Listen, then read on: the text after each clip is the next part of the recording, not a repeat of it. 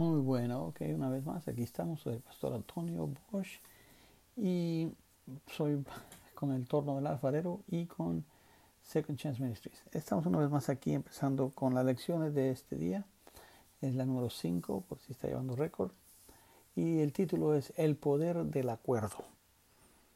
O sea que hay poder en eso, ¿verdad? Ah, el objetivo principal para nosotros en esta tarde es Queremos que usted entienda la importancia de caminar en un acuerdo con la palabra de Dios y su Santo Espíritu.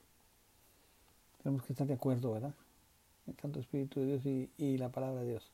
Nosotros tenemos que tener un conocimiento de la palabra de Dios y sus hijos.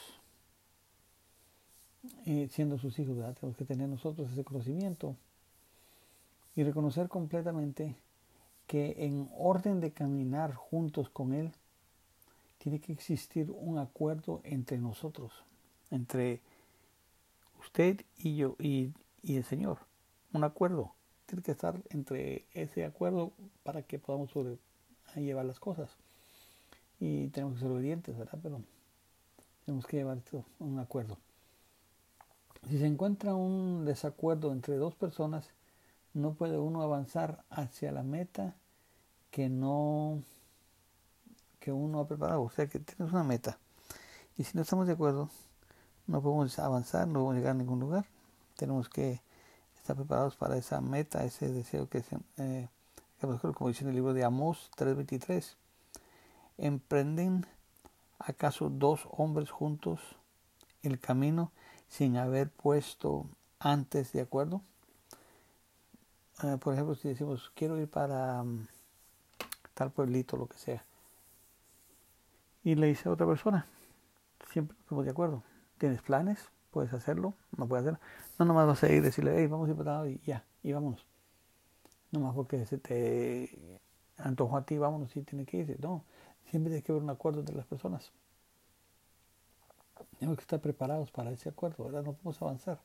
También encontramos que en la palabra de Dios, que los pasos de un hombre justo son ordenados por el Señor. Los pasos de un hombre justo son ordenados por el Señor. así que tenemos que estar de acuerdo. dice la palabra en 1 Corintios 1.10. Les ruego, hermanos, en nombre de Cristo Jesús, nuestro Señor, que se pongan todos de acuerdo y terminen con las divisiones, que encuentren un mismo modo de pensar y los mismos criterios, ¿verdad? Tenemos que pensar lo mismo, estar los mismos pensamientos. No podemos estar peleando en la iglesia que los hermanos acá, las hermanas allá. Y, no, no, no. Juntos, juntos pero no revueltos, ¿verdad? Ese es un dicho muy conocido, muy antiguo, muy viejo. No es que sea viejo, pero lo he escuchado tanto que ya se me quedó. Este, tenemos que estar todos de acuerdo en un mismo pensar, en una misma cosa. tenemos que ser ordenados con Dios. Así que si estamos en un acuerdo con la palabra de Dios, estaremos en acuerdo con Jesús y escucharemos su voz, porque nosotros conoceremos su divina, o perdón, nosotros conocemos su distinta voz, su distinta voz. Es por eso que responderemos a su dirección en nuestras vidas. Cuando el diablo se nos acerca y empieza a hablar, él tratará de decirte cosas que no van de acuerdo a la palabra de Dios. Él nos hablará o nos habla bajo influencias de, un coraje, un pensamientos de mentiras, aún con síntomas de enfermedades. Hay cuántos han conocido hermanos o hermanas que, ay, estoy hermano, tengo malo, que tengo la presión alta, que tengo esto, y todo el tiempo quejándose, todo el tiempo diciendo tiene una enfermedad. Y es el enemigo que está poniendo esa cosa.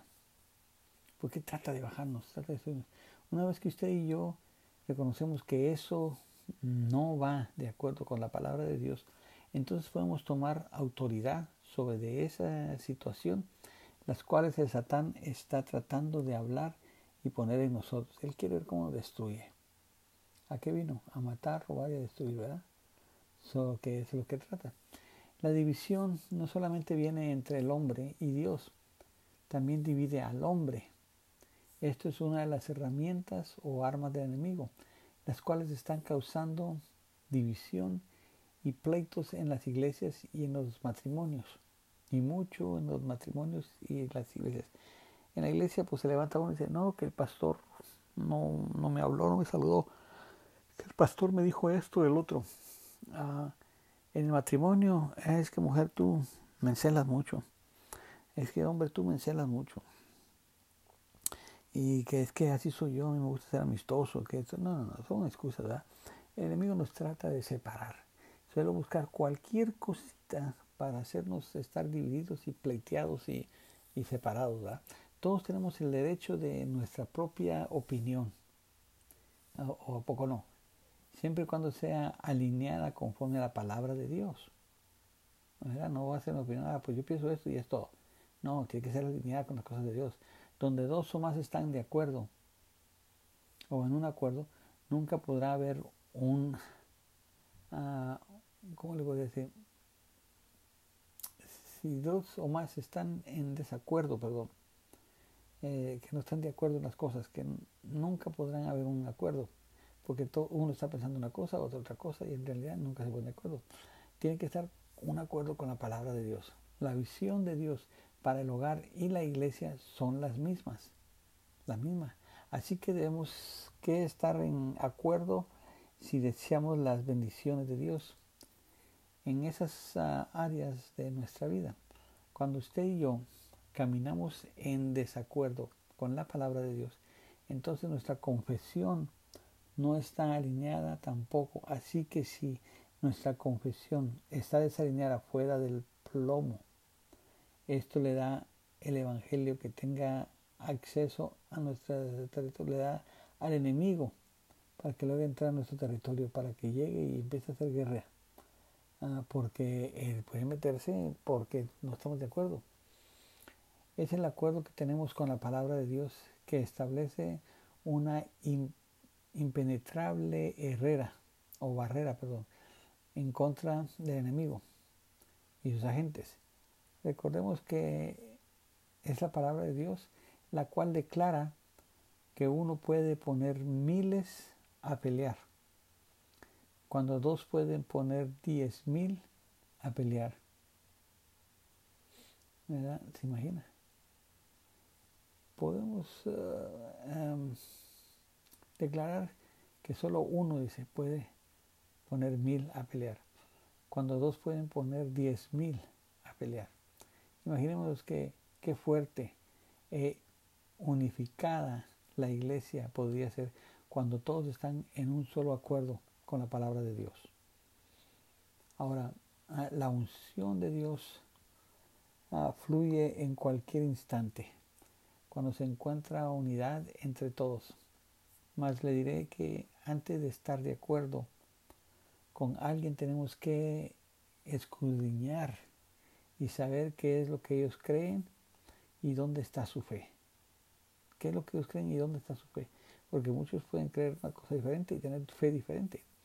Tenemos que saber, tenemos que estar de acuerdo.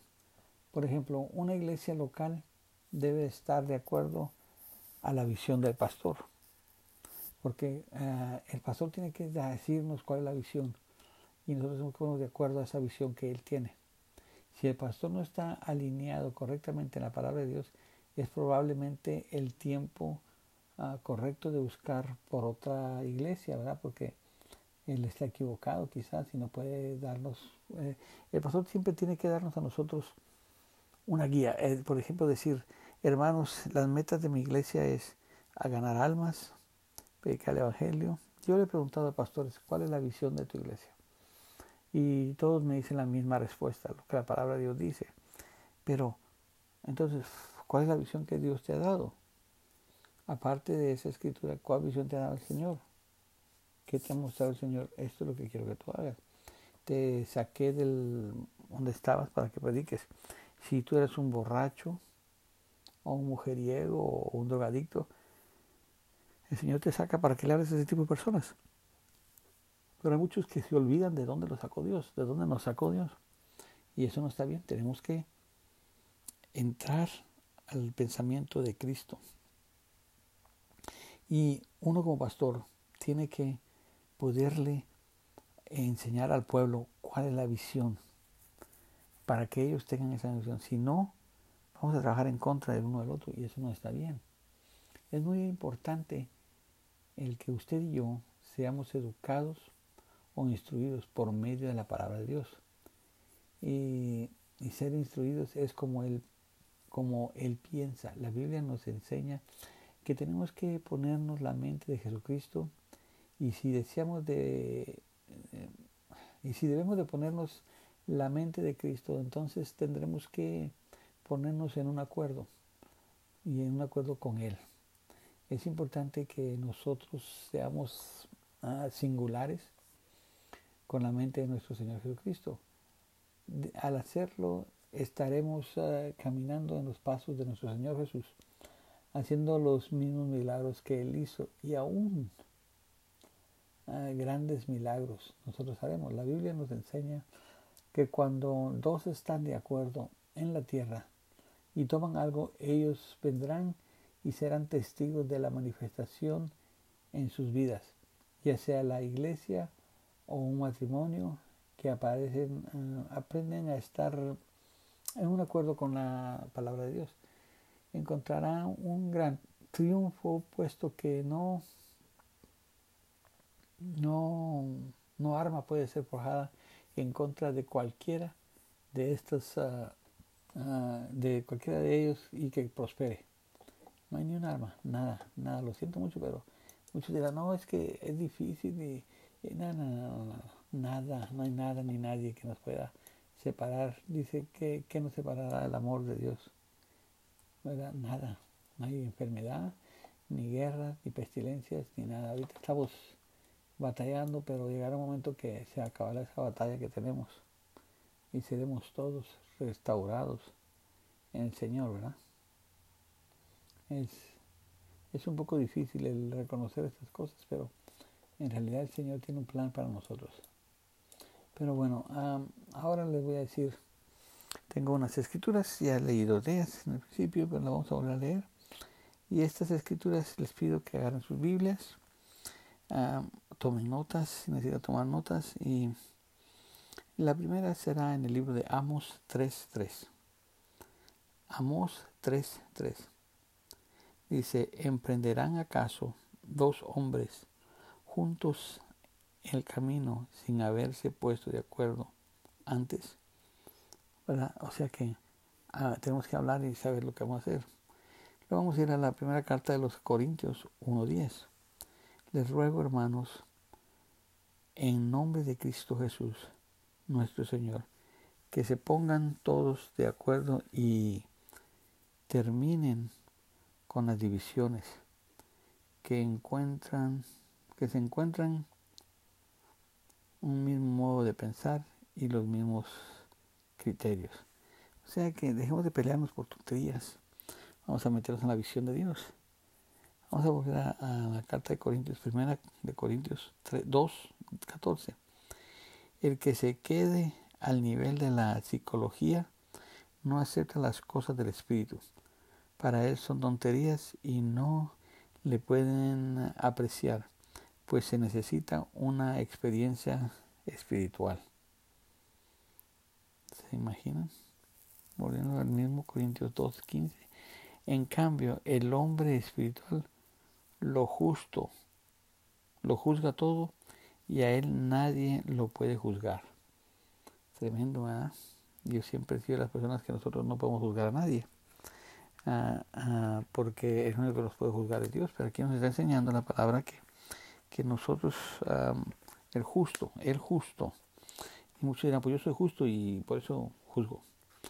Pero ¿qué pruebas tiene de ser justo? Así que aquí nos habla claramente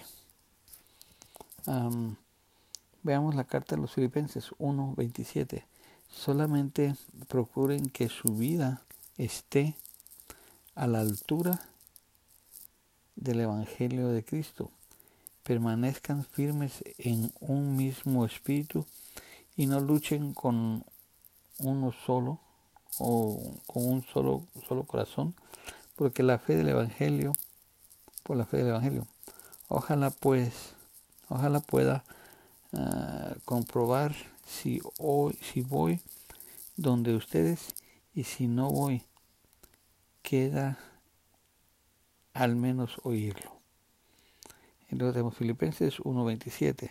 Solamente procuren que su vida esté a la altura del Evangelio. Bueno, ya lo hemos leído. Carta de Santiago 3.11. Hermanos, no se hagan todos maestros. Ya saben que como maestros seremos juzgados con más severidad. O sea que eh, nos metemos en camisa de once varas, como decimos, si empezamos a ser maestros, porque somos responsables de lo que predicamos, de lo que enseñamos. Un maestro es, es el que prepara. Ah, en las escuelas el maestro es el que nos prepara ¿verdad? a nosotros. Si em, vamos a ser juzgados, en pocas palabras, por todo lo que enseñamos. En el 3.2 dice, en el mismo libro de Santiago, y todos tenemos nuestras fallas. El que no peca en palabras es un hombre perfecto de verdad, pues es capaz de dominar toda su persona. ¿Se imagina? El que no peca con palabras. ¿Cuántos hemos ofendido a personas con puras palabras? Ahora sí podemos retenerlas, podemos dominar nuestra propia persona. En el 3.3, poniendo un freno en la boca del caballo, podemos dominarlo y someternos así, y sometemos todo su cuerpo. 3.4. Lo mismo ocurre con los barcos. Con un pequeño timón, el piloto los maneja como quiere, por grandes que sean, aún bajo fuertes vientos. El 5. Así también la lengua es algo pequeño, pero puede mucho. Aquí tiene una llama que devora bosques. 3.6. La lengua es un fuego y es un mundo de maldad.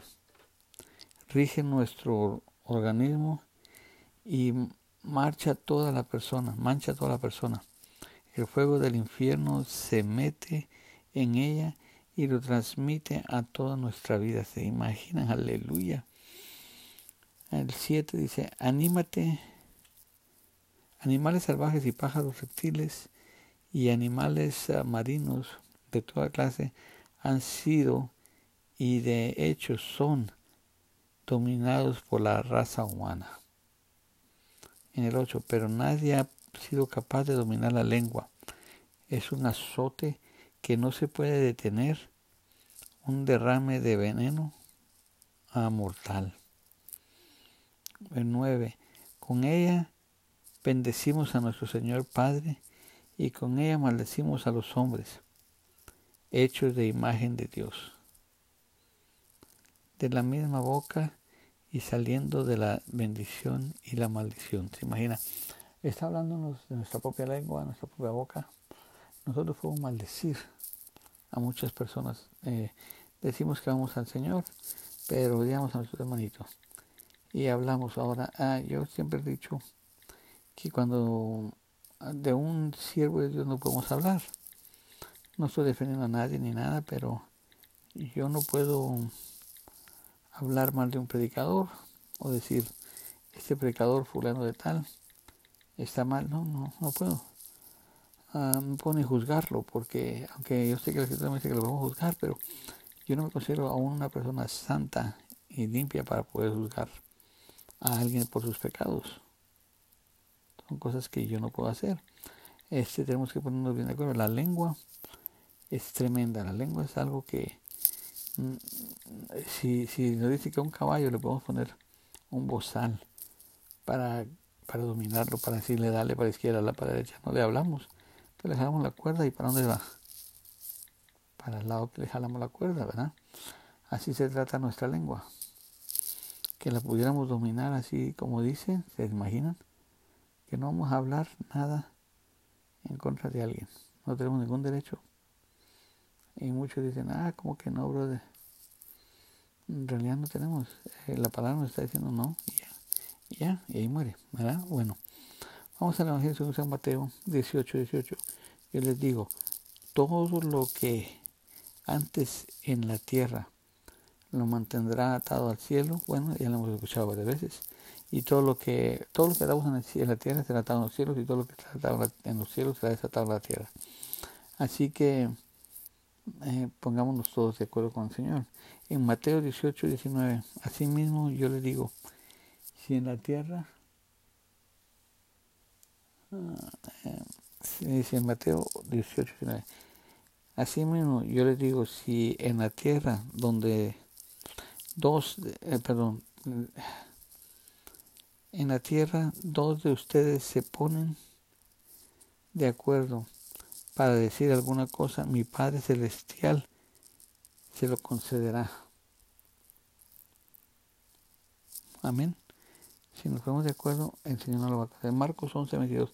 Jesús respondió, tengan fe en Dios. Tengan fe en Dios. Yo les aseguro que el que diga a este cerro, levántate de aquí, arrójate al mar, eh, eso sucederá. Y dirán, esas escrituras las vimos anteriormente, sí, las hemos escuchado. Pero si alguien pone en su corazón y no cree, pero si lo cree, esto se le concederá. Por eso digo, todo lo que pides en oración, eh, crean que yo lo, eh, que lo han recibido y que lo tendrán. Cuando pongan de pie para, para orar, si tienen algo contra alguno, pues vayan y pidan perdón para que su Padre del cielo les perdone también a ustedes sus faltas. Lo que hermanos es un poco interesante, ¿verdad? Ahora, en esta ocasión tengo unas preguntas que me gustaría hacerles. Por favor, tomen lápiz, un papel, tomen notas de lo siguiente. Tengo como unas, quizás, siete preguntas que tengo. ¿Qué debe de pasar para que dos caminen juntos? De acuerdo al libro de Amos 3.3. ¿Qué debe de pasar para que dos caminen juntos? Y número dos, ¿cómo debemos usted y yo actuar con otros creyentes? ¿Cómo debemos usted y yo actuar con otros creyentes? De acuerdo a Corintios, 1 Corintios 1.10. ¿Cómo están en acuerdo? Filipenses 1.27. ¿Cómo debemos valorar a otros de acuerdo a Filipenses 2.3? ¿Cuál es la razón por la cual debemos controlar nuestra lengua? Santiago 3.10. ¿Qué promesa tenemos si nosotros estamos de acuerdo, si estamos de acuerdo con Dios? Mateo 18.19. Y la última, número 7, con el fin de buscar un acuerdo con Dios, ¿qué debemos de hacer? Marcos 11, 25. Bueno, esta ha sido una la, lección número 5. Eh, sabemos, la próxima será avanzando como un creyente maduro. Eh, estaremos preparando esta lección y nos entendemos con ustedes. Esperamos que se gocen, les gusten estas enseñanzas que hemos estado pasando con ustedes últimamente y las puedan poner en prácticas. Una vez más, soy el pastor Antonio Bosch el Torno al Alfarero y de Second Chance Ministries. Me pueden encontrar en el correo electrónico por si quieren estas clases. Se las puedo mandar electrónicamente. en el torno al alfarero at gmail.com. Torno al alfarero at gmail.com. Torno al alfarero arroba gmail.com. Espero escuchar de parte de ustedes si les están sirviendo estas enseñanzas y si pueden entender lo que estoy tratando de darles a entender, a conocer la palabra de Dios. Una vez más, que el Señor me los bendiga y muy pronto nos veremos. Bye.